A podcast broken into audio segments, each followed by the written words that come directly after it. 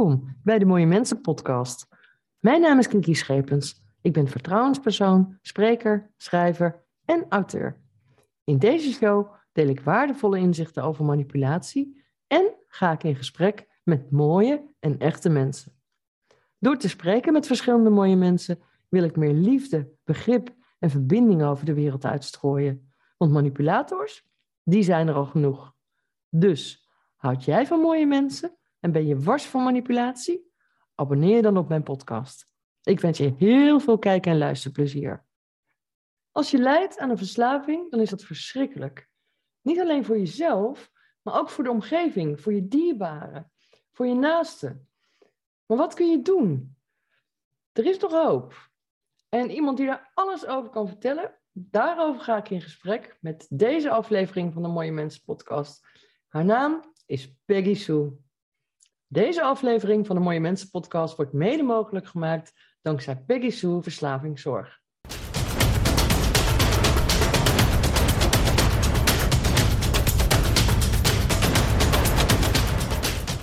Welkom Peggy Sue in de Mooie Mensen podcast. Leuk je te zien. Dankjewel. Ja. Fijn er te zijn. Dankjewel, Kiki. Ja, nou, ik was sowieso eh, heel benieuwd. Eh, verslavingszorg, wat is dat precies? De interventies.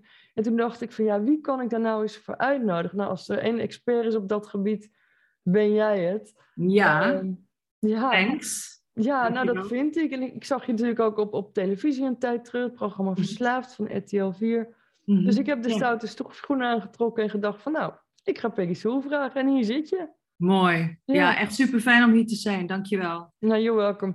Ik zou zeggen, wie jou niet kent, stel jezelf even voor alsjeblieft. Oké, mijn naam is Peggy Sue en achternaam is Figuera. Dat gebruik ik niet zo heel vaak. Het is een eh, hele mond vol. Ehm, ja, ik ben 54, ik woon in Amsterdam, kom ook uit Zuid-Afrika. Dus ik ben veel in beide landen, ook vanwege het werk wat ik doe. Ehm, ja, ik heb een kantoor in Blokker. Ehm, en dat is een beetje in het heel kort wat eh, eh, over mij. En het bedrijf die we hebben is een eh verslavingszorgbedrijf. Ooit begonnen vanuit interventiekunde, dus interventie van verslaving. Mhm. Maar ook gewoon inmiddels het plaatsen van mensen, het begeleiden van die gehele trajecten.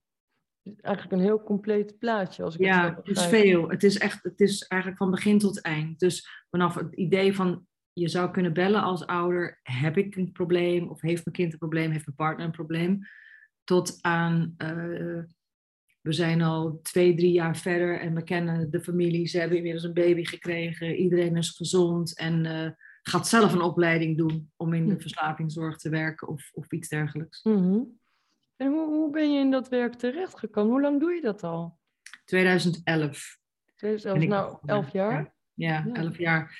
Ehm, ik heb altijd in de corporate wereld gewerkt, eh, ook internationaal. Ehm, en eh, ik heb zelf ook, wij noemen het de ziekteverslaving. Ja. En in 2006 was ik begonnen met mijn traject om eh, mezelf te proberen gezond te krijgen. Ik vond het heel ingewikkeld. Het is gewoon ingewikkeld om het echt te begrijpen wat er allemaal moet gebeuren om, om clean en sober in herstel te komen. Want je leed Eh. zelf ook aan een verslaving? Ja, sorry, ik val je in de reden. Ja, ja, klopt. Kun je daar iets over vertellen? Zeker. Wij praten over verslaving als één ziekte Mhm. en het heeft meerdere uitingen. Dus toen ik voor het eerst eh, hulp ging zoeken, ging ik voor cocaïne, snuifcocaïne. Mhm. Ehm, maar eigenlijk dronk ik al jaren veel en veel te veel. Dus gewoon alcoholisch. Ehm, toen ik uiteindelijk echt clean, sober en in herstel kwam, ik ga dat straks uitleggen wat in herstel is. Mhm. Ehm, dat was uiteindelijk 2,5, 3 jaar later. Dus we hebben ook echt al, allemaal een clean datum, die we ook vieren. Ehm, we is iedereen in Narcotics Anonymous, Alcoholics Anonymous, Cocaine Anonymous, al die an- anonymous groepen wereldwijd. Mhm. Goed is, heeft iedereen gewoon een clean datum. Ehm, ja, toen realiseerde ik me dat het eigenlijk in alles was wat ik doe. Het is hem in je gedrag. Mhm. Dus als klein meisje had ik het al met eten. Dus overeten. Dat was iets om Mhm. te dempen. En, en later heb ik eh, eh, alcohol ontdekt. Dat was meteen raak. En toen ontdekte ik dieetpillen. Eh, het type die je alleen zeg maar, in het buitenland kan kopen, niet hier. Mhm. Die een beetje speedachtig, amfetamine-achtig. En wat dat voor mij deed, gaf een soort bzzz. Was ik heel erg wakker. ja, speedachtig. eh, Ja. Waardoor ook, ik ook niet eh, wilde eten. Dus ik had altijd wel, dat is een beetje een rode draad met eten, wel de eten, niet eten, overeten Mhm. en ondereten. Ehm, dat is een ingewikkeld stuk hoor, daar doe ik ook heel veel mee. En Mhm. ehm, ja, alcohol was de rode draad. En op een gegeven moment, als je heel lang heel veel alcohol gebruikt, krijg je ook gebrek aan energie. Dan raak je neerslachtig. En toen opeens kwam cocaïne in mijn wereld. En, eh, maar echt, eh, echt dichtbij, thuis. Want ik had het wel eerder gezien in nachtclubs. En, eh, maar ik dacht altijd, het is verslavend. Ik, als een theorie, hè. Ik Mhm. kende het niet. Het was niet iets wat ik, waar ik echt... Ik had, ik had er ook niks mee verder. Maar ik dacht wel van, het is verslavend, doe maar niet. En het is toch één keer begonnen in een periode dat ik neerslachtig was, te lang had gedronken, eh, niet goed in mijn vel zat. Mhm. En dat was meteen raak. Echt vanaf die avond, meteen ging ik meer geld halen van de pin. Mhm. Meteen ging ik me meer halen. En het, was, het is niet, het is in één, ik denk in één jaar gewoon doorgegaan. Ja, verschrikkelijk. En ja, echt, echt, echt heel verschrikkelijk. En, maar eigenlijk ben ik daar ook dankbaar voor. Want doordat ik eh, aan de cocaïne ben geraakt, snuif. En ik zal je vertellen, het zijn er heel veel. Daar heb ik helaas geen cijfers over. Maar we weten wel, te spreken zoveel mensen, zowel in herstel, zowel verslaafd als eh, normale mensen. We noemen ze wel eens gekscherend normies. Ehm, die zeggen, joh, allemaal, ja hoor, eh, ik zie het daar gebeuren, ik zie het daar gebeuren. Mijn kind, mijn vriend op een kinderfeestje, iedereen zit gewoon een snuifkook. Ehm, dat, dat doordat ik daar in aanraking mee ben gekomen, dat ik hulp moest gaan zoeken. En anders, pardon, had ik misschien al die jaren nog door eh, gedronken, dieetpillen, eh, ook wel andere middelen, maar dat zijn niet mijn wat wij noemen drugs of choice. Nee. Dus ik Dan denk, was je er misschien niet eens meer geweest. dat denk ik, dat denk ik. Ja. Nou, ik, ik zal je vertellen waarom. Ik was ook getrouwd in de tijd dat ik ben begonnen met de cocaïne. Mhm. eh, met die persoon. En ehm, we zijn, ik ben uiteindelijk weggegaan vanwege dat we allebei aan het gebruiken waren. En, en dat ik me realiseerde als ik niet daar wegging, dat ik niet clean kon worden. Dat heb ik met ontzettend veel pijn in mijn hart gedaan. Ik was er echt kapot van. Het was alsof mijn hart uit mijn lijf gerukt was. Mhm. En zij heeft zich later opgehangen Oeh, zo. vanwege verslaving. Ja, en ze was heel jong. Oeh, heel heftig. Ja, Nou, ja, nou kan suïcide trouwens voor iedereen die dit luistert of ziet, ehm, als het onderwerp suïcide ter sprake komt, Peggy, dan benoem ik altijd de hulplijnen. Hè? Dat als je suïcidale gedachten ja hebt, hoor. En het is goed. ja, De hulplijn en wat... Ja? contact En- met de 113 zelfmoordpreventie. Zeker. En mijn ding hierbij ook is, eh, ik heb daar eigenlijk, eh, nou ja, natuurlijk, we hebben allemaal een mening, maar ik begrijp dat sommige mensen ontzettend veel eh, verdriet hebben, lastig met het leven om kunnen gaan. Ik snap het. Alleen, ik vind het heel erg als mensen het doen terwijl ze nog in actieve verslaving zijn. Mhm. Als je clean en sober bent en je alles hebt geprobeerd eh, door middel van sociale omstandigheden, maatschappelijke omstandigheden, familie, en het is iets in je brein, dan, eh, dan ben ik daar geen specialist in. En dan zeg ik van met alle liefde eh, wat er nodig is, ik laat me daarin leiden. Maar niet als je aan het gebruiken bent. Nee. nee. En, en, want ja, wat jij zegt is natuurlijk afschuwelijk, hè? Ook dat je dat, die, die pijn hebt moeten doorleven om te komen tot waar je nu bent. Ja, Ehm, want ja, verslavingen, er zijn verschrikkelijk veel verslavingen. Kun je er sowieso een aantal noemen? Kijk, we denken allemaal de gebruikelijke drugs, alcohol, tabak, maar er zijn er nog veel meer. klopt. Je kijk, weet je, ehm, in de verslavingszorg hebben we het voornamelijk over middelen waarbij mensen merken dat hun leven onhanteerbaar wordt. Mhm. onderdeel ook van hoe we ernaar kijken. Wij werken vanuit de basisprincipes Minnesota model 12 stappen. Laten we zeggen in de kort AA-achtig. Mhm. Dat, eh, en, en de eerste stap daarin is dat je machteloos staat ten opzichte van je middel en je leven is onhanteerbaar geworden. En dat is ook eh, bij veel middelen zoals alcohol makkelijk te herkennen. Tenminste, voor de meeste. eh, bij cocaïne is het duidelijk. Als je continu aan het blowen bent, is het duidelijk. ehm, ja, bij die middelen, oké. Eh, inmiddels heb je ook dus lachgas, vreselijk, dat soort dingen. Ehm, maar je hebt ook andere verslavingen die niet zo zichtbaar zijn. Zoals? Nou, de procesverslavingen, dus de gedragingen, gamen, gokken. Eh, ja, Seksverslaving? Seksverslaving, uh, zeker. Zeker. En dan, er zijn verschillende vormen ook van. Mensen doen daar vaak lacherig over. Belangrijk om te weten is dat degenen die echt van een, aan een seksverslaving lijden, hebben ook heel vaak hechtingsproblematiek Mm vanuit vroeger. En het is niet, want mensen zeggen dan ja, maar ik vind seks ook zo lekker. Ja, dat kan. Het gaat daar niet om. Het gaat erom wanneer het alles, alles overneemt. Dat je daardoor niet naar je werk kan of wil. Dat je de hele avond door bezig bent met online porno. Dat je uh, buiten je relatie, buiten de afspraken met een eventuele partner dingen doet die gewoon gevaarlijk zijn voor zowel jezelf als je partner. En die Mhm. obsessie, obsession en compulsion. Dus ja, ook seksverslaving. Mhm. Eetverslaving, alleen die is lastig. Ik vind eetverslaving valt een deel onder proces en een deel onder middel. Want het middel, bijvoorbeeld suiker, ik vind dat suiker ook verslavend is. Daar heb ik al eens vaker over gesproken. Ehm, maar het is ook een handeling. Mhm.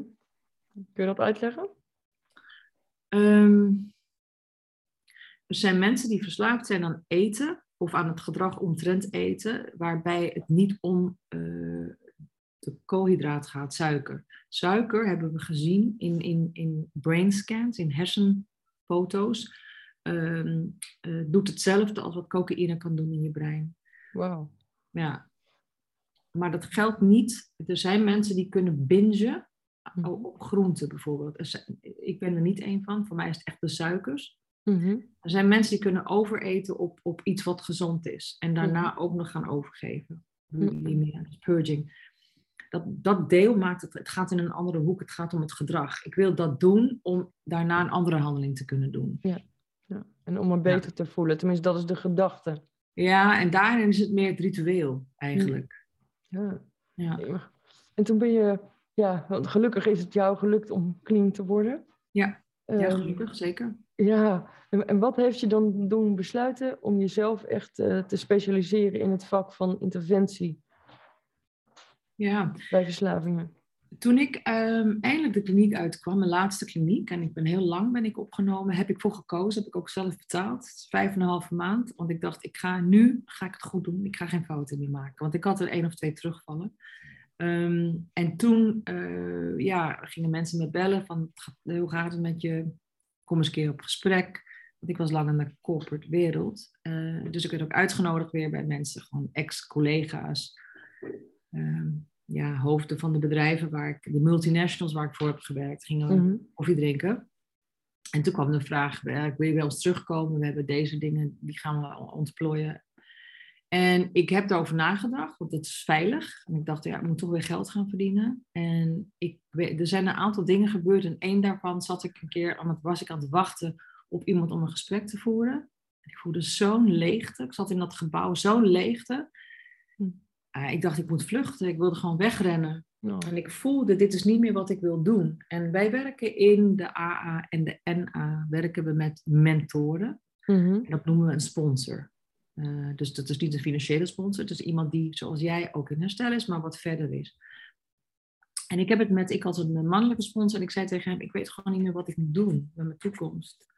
En toen zei hij, want hij had een eh, opleiding gedaan in Amerika om counselor te worden. Mhm. Hij zei, ik heb, eh, in Amerika zijn we ergens achter gekomen, dat heet interventiekunde, to become an interventionist. Mhm. Hij zegt, ik zie dat wel voor jou en ook een collega van mij, Jim. Mhm. Hij zegt, jullie twee zouden perfect zijn daarvoor. Nou, toen zijn we dat, zijn we dat gaan uitzoeken. En toen zijn wij inderdaad naar Amerika gegaan. Daar hebben we die opleiding gevolgd. Meteen ook stage daar gedaan. Ontzettend veel mensen leren kennen in deze, dit sector. Ja. Ehm, en ook mensen die daar ook in Engeland bij elkaar komen. Dus we zijn meteen van een, zowel een Amerikaans als Europees netwerk zijn we betrokken geraakt. En nou, toen kwamen we naar Nederland. Toen zijn wij begonnen. We hebben een bedrijf op. We zijn begonnen en we zijn interventies gaan doen. Wauw. En vervolgens werden we benaderd door RTL 4.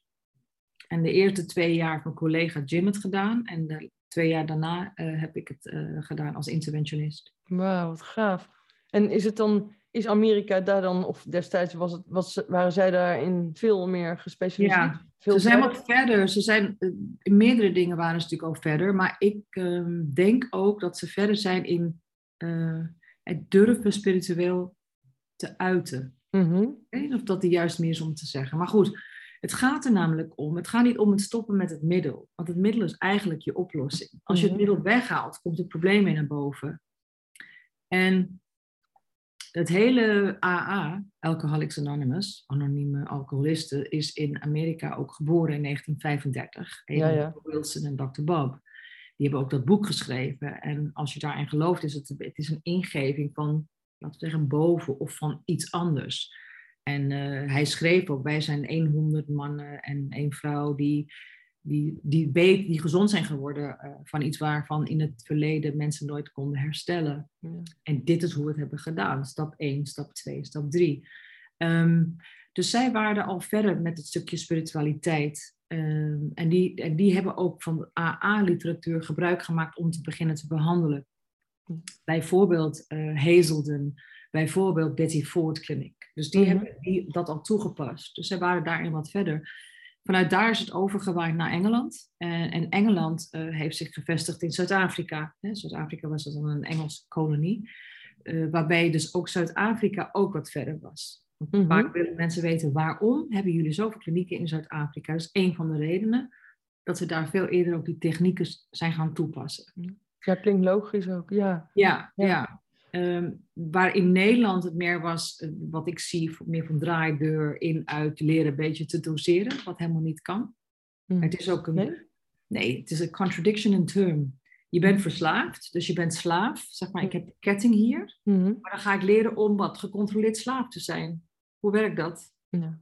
Kan niet. Nee, nee. Als, als je eenmaal echt verslaafd bent, en het is niet een doseringsprobleem, of dat je even een slechte periode in je leven zit, dan blijft dat altijd. Het is logisch. Dat is verslaving. Ja, dat is ook bewezen, hè? Dat als je Ja. eenmaal inderdaad verslaafd Ja. bent geweest, dat zit gewoon ook in je hersenen. Ja, en vaak is het er al en het wordt alleen geactiveerd door Mhm. omstandigheden of door een bepaald middel die je dan helaas tegenkomt. En dat Mhm. middel doet het voor jou. Dat zit ook in de genen, hè? Dus Ja. Het kan... Het kan, ja, het, zit, het is gene, je bent, men is vaak genetisch belast, maar dat Mhm. betekent niet dat het tot uiting hoeft te komen. Er zijn verschillende theorieën over. Ik denk dat de beste is, het is een deel eh, epigenetisch. Wat is er gebeurd in, in de baarmoeder? Mhm. Zat je, je moeder erbij, degene die dus ja, ook spiritueel erbij zat. Mhm. Het is een deel eh, genetisch, genetische belasting. Dus je zal het vaak bij opa of oma zien, of opa, oma daarvoor. Mhm. Vaak vijf generaties zelfs. Mhm. En als daar niet in die vijf generaties iets gebeurt, dus ik kijk omhoog nu, opa, oma, opa, oma, zo tekenen we het uit, dan wordt, komt het lateraal. Dus iedereen hier gaat, wordt ook verslaafd. En dat zie je in landen die in heel veel ellende verkeren. Dat zie je bijvoorbeeld in, eh, in de Kaap in Zuid-Afrika, waar er heel veel armoede is in de, in de, het zijn niet de townships, maar waar mensen bij elkaar wonen. Dat is gewoon, het is van generatie op generatie. En nu eigenlijk is moeder, tante, kind, zusje, broer, iedereen zit aan iets. Hm. Ehm, en natuurlijk ook andere landen waar ik niet zoveel kom, maar waar ik over lees, dat, dat zie je daar ook. Ehm, Ja. Red Ja. Indians bijvoorbeeld hebben daar ook last van. Ehm, dus er is een genetisch eh, eh, aandeel of onderdeel. Maar dan is het ook, eh, komt het tot stand en, en wat doe je ermee en hoe snel ga je er wat mee doen? Want tegenwoordig kennen we de antwoorden hierop. Dus we weten, wij hebben heel veel jonge mensen die in Mhm. herstel zijn. Ja, nou, nou ben ik ook wel even benieuwd, want jij zei dus straks ook van, eh, begint soms al in de baarmoeder met op spiritueel vlak. Dat vind ik wel heel interessant. Kun je dat uitleggen, hoe je dat bedoelt?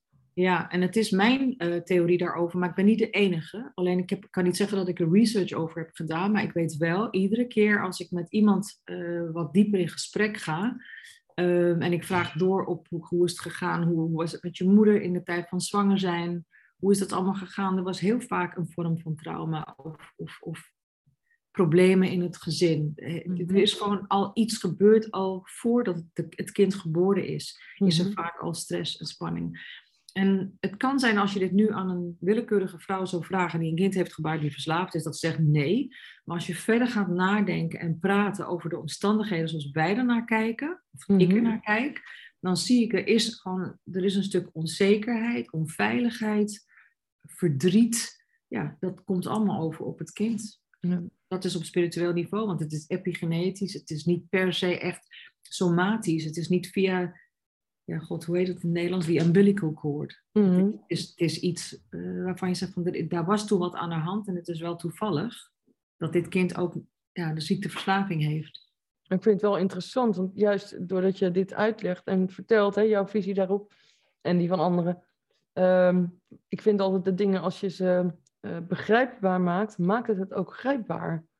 Dus Ja, ja, Klopt. dankjewel dat je dit ook even uiteen hebt gezet. Want dat Ja. vind ik wel heel, ja, vind ik altijd interessant. Een makkelijker voorbeeld, Mhm. die wel erkend is door ehm, een bekende orthomoleculaire arts, alleen ik kan, ik kan niet op zijn naam komen, is mensen die kampen met eh, overgewicht. Mhm.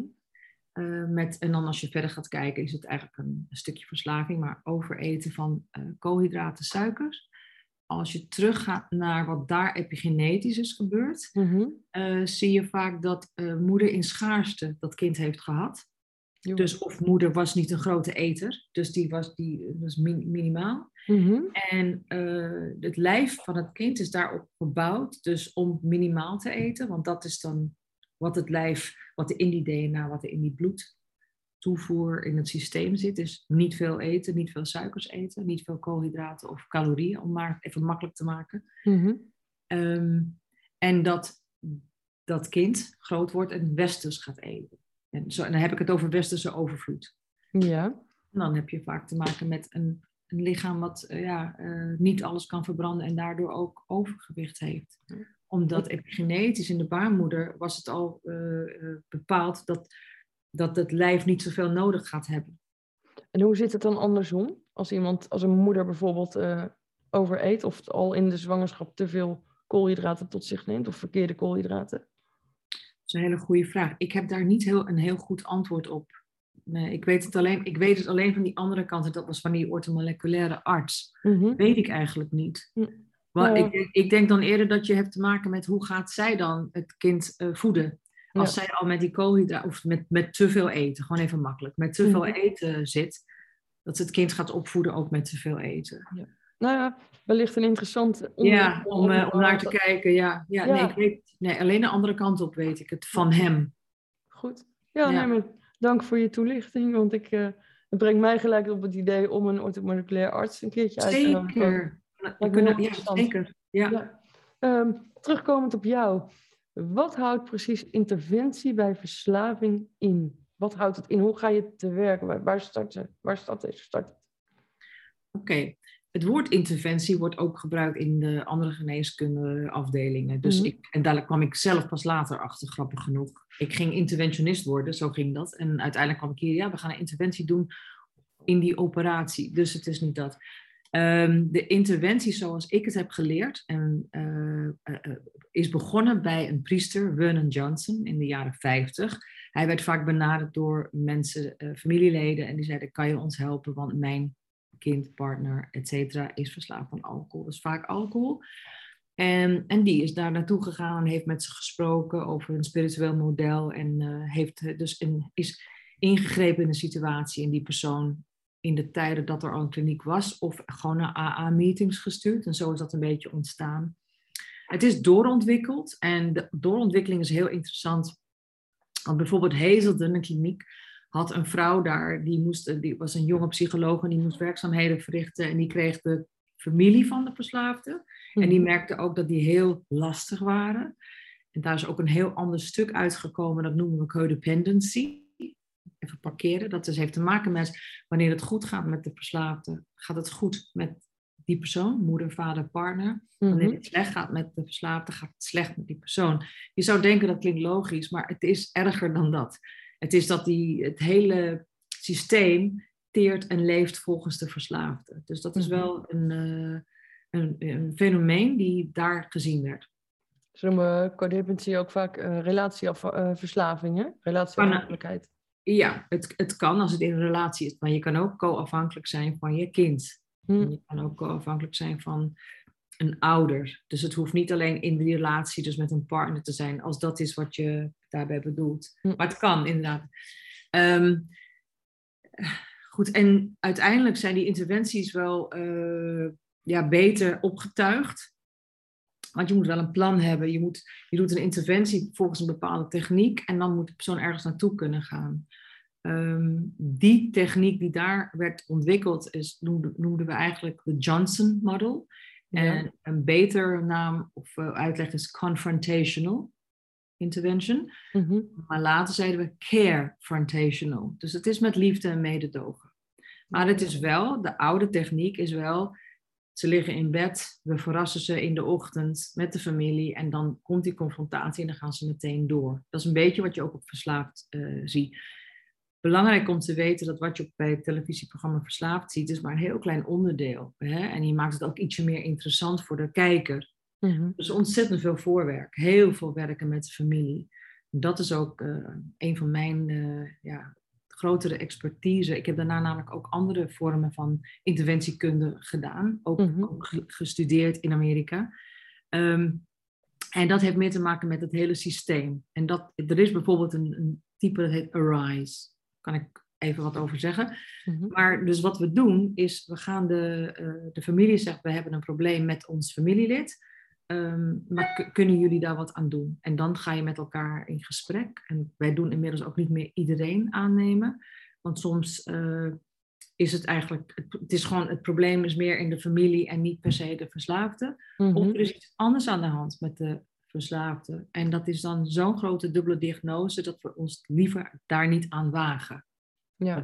Zo ook nog wat, eh, wat overleg. Het makkelijkste verhaal is, je zegt mijn kind is verslaafd, kan je me helpen?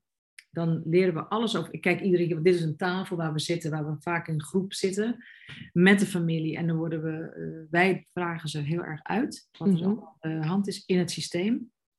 Wij kennen alle rode vlaggen. Dan gaan wij inberaden of we daarbij kunnen helpen. En dan begint het, het is een project.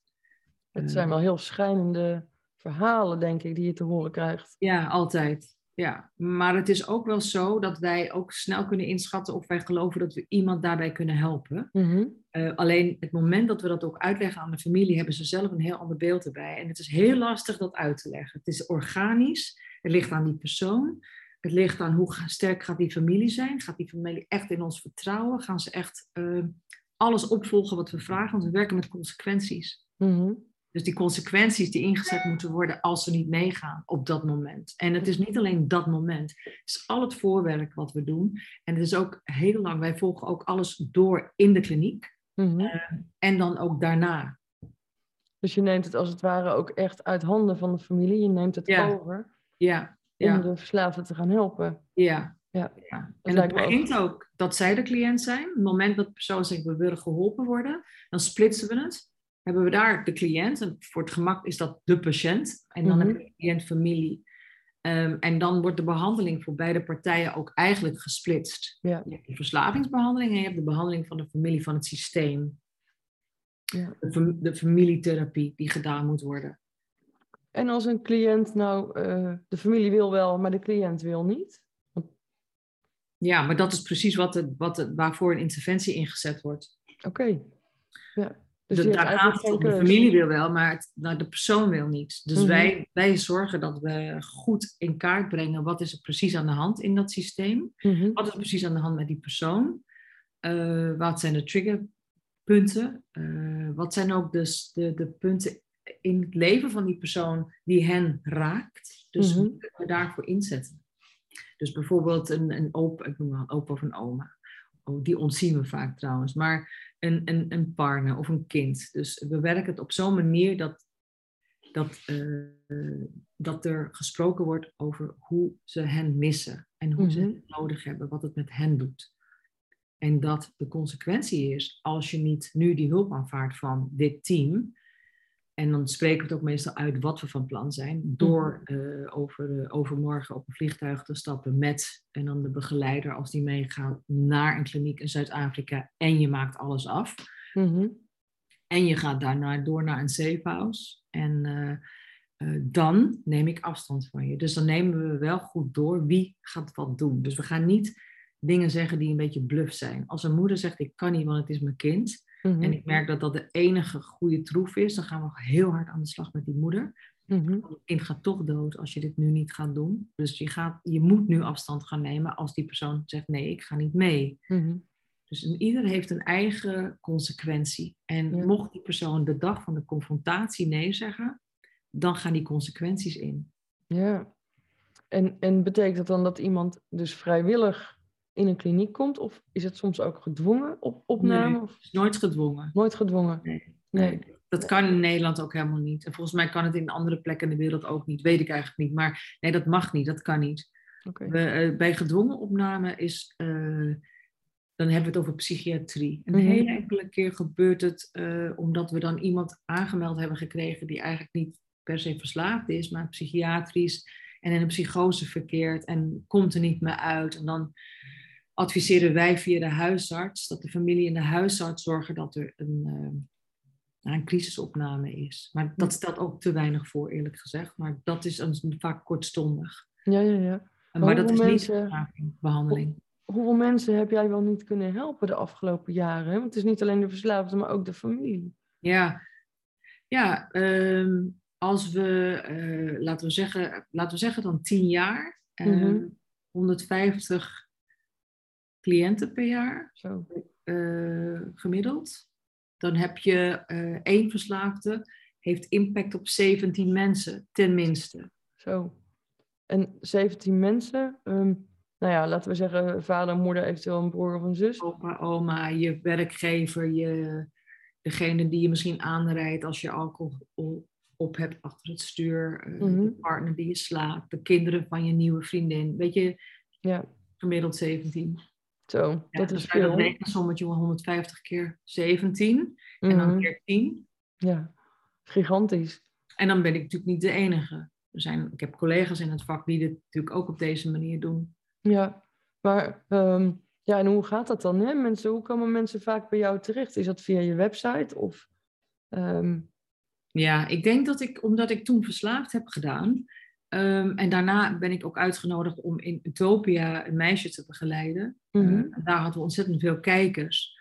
Eh, we hadden ook een, eh, een workshop een keer gehouden daar met, eh, met, met ook andere bekende Nederlanders. En uiteindelijk, ja, vanaf dat moment ontplofte het qua aanvragen. ja.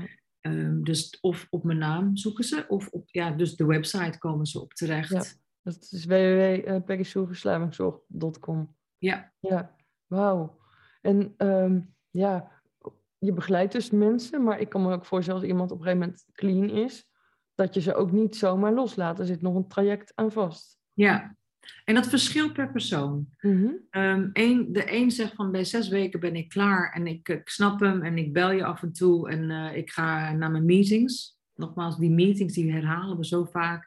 Voor mensen is het nog steeds een beetje, wat is dat?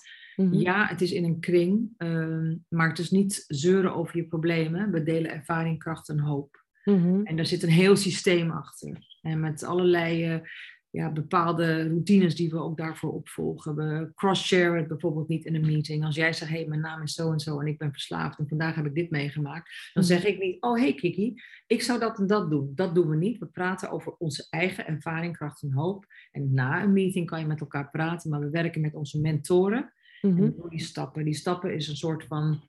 Uiteindelijk kom je neer op wat is er aan de hand in je leven. En wat zijn je copingmechanismes en welke werken niet meer voor je. Wat ga je achterlaten? Mhm. Maar op een spirituele manier. Want sommige dingen kunnen we niet zomaar zelf loslaten. Bepaalde gedragingen zijn er zo ingebakken. Dus dat is wat we doen vanuit die meetings. Daar komt veel meer bij kijken. Dus sommigen kunnen het op die manier af, afhandelen. Een heleboel, zeker jongere mensen, zien wij al vrij snel, die moeten gewoon een verlenging hebben. Mhm. En dan gaan we via hun gemeente, proberen we een WMO-aanvraag te krijgen, wet maatschappelijke ondersteuning, eh, om ze in een safe house te krijgen. Ja. En wij hebben goede samenwerkingsverbanden. Dat zijn plekken, begeleid wonen, Mhm, veilig wonen, mhm. maar eh, met zero tolerance op gebruik. Ja. Nou, heel goed. Op alle manieren. Dus ook geen toto in kleuren van een euro. Dat is Nee. gokken. Dus Ja. alles. En daar Ja. zijn echt die safe houses voor opgericht ook. De safe houses waar wij mee werken, zoals wij dat doen. Ja, zo Ja, werkt dat. Ja. En dat was ook een van mijn vragen aan jou. Van, hè, wordt zo'n traject vergoed door een zorgverzekering? Of... Eh, een behandeltraject bedoel je? Of, eh, Of interventie? interventies worden niet vergoed, dat is privaat. Maar het is ook niet goedkoop, want je rekent uren. Dus Mhm. meestal ook gewoon een projectprijs. En het wordt van tevoren betaald, want anders wordt er straks onderhandeld over geld. En men ervaart dat ze niet de, het resultaat hebben die ze willen, maar dat is helemaal niet zo. Want je bent nog steeds bezig. En soms duurt het drie maanden, zes maanden. Ja. Maar dan kan je niet achter je geld aanlopen. Dus het wordt gewoon van tevoren Nee. betaald en wij nemen de rest over. Wij zorgen gewoon dat er iets gaat gebeuren. Totdat we merken, we kunnen niets meer. En dit is het beste wat we kunnen behalen. Ja. Soms bijvoorbeeld, eh, twee keer recent nog, komt een familie met een man die verslaafd is, die een vrouw heeft en kinderen. En die man is eigenlijk of psychisch niet, nou eigenlijk bijna altijd psychisch niet voldoende in orde om echt een verslavingsbehandeling aan te kunnen of Mhm. aan te willen. Mhm. Ehm, en dan kan je wel aan het dood paard blijven trekken. Maar degene die er ook last van hebben, dat is bijvoorbeeld vrouwen en kinderen. Dan hebben we die geholpen. Ja. Om ook heel duidelijk te maken aan het bredere familie, dit is het probleem. Dit gaat waarschijnlijk niet meer goed komen op de manier die, waar jullie hebben, eh, op hebben gehoopt. Mhm. Maar we kunnen, doordat we eh, de hulpvraag ietsje aanpassen, kunnen we wel dingen goed regelen, zodat de kinderen veilig zijn en ook de moeder van de kinderen. Ja, maar ik- d- soms moet je ook echt dingen loslaten en keuzes maken. En zeker Keuzes maken, hoogst haalbare doen. Ja, ja. Dus interventie wordt niet, wordt niet vergoed. Ehm, Ik, even, ik val je even in de reden, maar Ja. ik vind het overigens niet vreemd dat je zegt van nou, ik, eh, we vragen ook mensen om daarvoor te betalen. Want als jij vertelt ook hoeveel uren daarin gaan zitten, dat is gigantisch. En ja, dus ik vind dat helemaal niet raar hoor. Dat je zegt van nou, dat is privaat en dat wordt niet vergoed. Ja. Er gaan, gaat gewoon zoveel tijd en effort in zitten. ja, heel veel tijd, heel Ja. veel eh, eigenlijk ben je continu stand-by. Misschien alleen de uren dat je slaapt niet. Nee. Eh, soms als we een interventie zijn die, die langer duurt dan zeg maar dat moment. Dan hebben we wel eens dat we 18 uur achter elkaar aan het werk zijn. Drie dagen lang in een hotel zitten. Mhm. En daarna dat nog iemand mee moet vliegen. En dat kan ook wel eens een van ons zijn. Dus dan ben je ook nog eens een keer onderweg met zo iemand die nog ziek is. Hè? En die ziekte, Mhm. dat voel je. Ja. Dat gedrag en dat willen gebruiken. En dat liegen, manipuleren. En nou ja, goed. Dus daar moet je best wel ook van bijkomen zelf. Maar ook de expertise. Ik bedoel, dit is wel een heel eh, gespecialiseerd vak. Ja.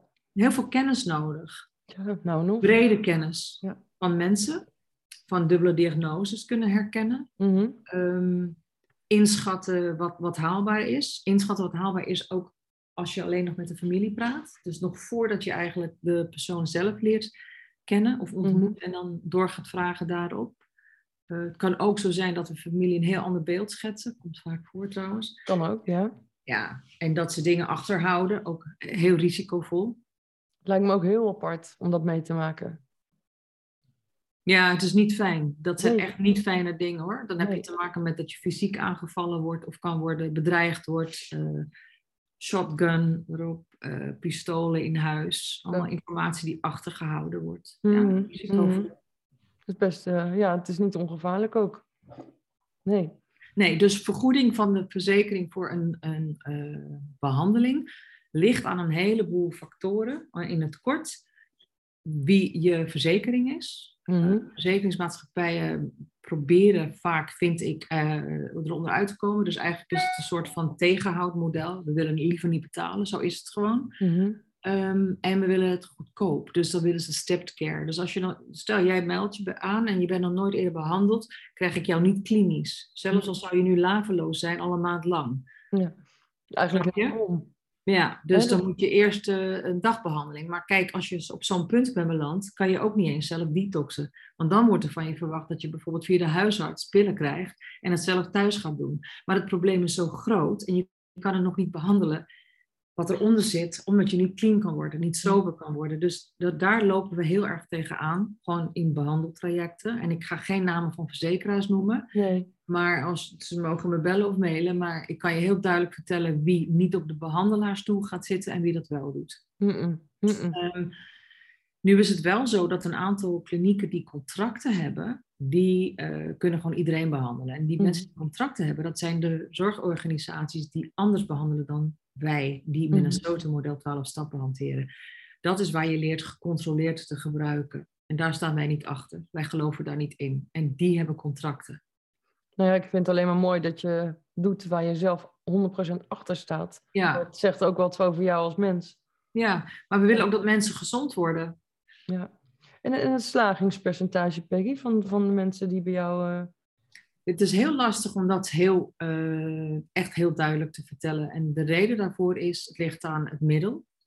Hoe verslavingsgevoelig uh, het middel is. Mm-hmm. Het ligt aan, gaan ze, moeten ze weer naar huis of kunnen ze door naar een safe house?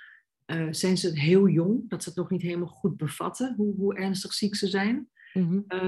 hoe, hoe manipuleerbaar is de familie? Mochten die kinderen of mensen, partners weer naar huis gaan? Mm-hmm. Um, op welke leeftijd zijn ze? Is het de leeftijd zo hoog dat ze ervaren dat ze niets meer hebben om voor te leven? Of is de leeftijd nog te jong om te kunnen bedenken, ik mag nooit meer drinken? Mm-hmm. Bijvoorbeeld. Dus ik kan je dat niet uh, 1, 2, 3 vertellen. Ik kan je vertellen dat wij, als wij interventies doen, hebben we, als ik uh, het is wel zo, hè? 95% slaging. En, en dat is dat ze meegaan en behandeling gaan aanvaarden. Dat betekent nog lang niet dat ze klinisch worden en blijven. Nee, maar die, die, die 5%, ja, ja, en die 5%, nee, en die 5% die niet meegaat, is meestal omdat er een psychisch uh, onderliggend persoonlijkheidsstoornisbeeld is. Ja. Die, ja. die, die, die accepteren, dus A, ze accepteren geen hulp. En B, ze zijn te ziek om in onze soort klinieken terecht te komen. Dus um, ja, begrijp ik. Te veel contra-indicatie. Ja. Een aantal gaat dan op een wachtlijst en die, zorg, die organisaties die contracten hebben, die hebben veel al lange wachtlijsten. Dus Mm. zes weken, drie maanden, nog, nog voordat je op een intake komt.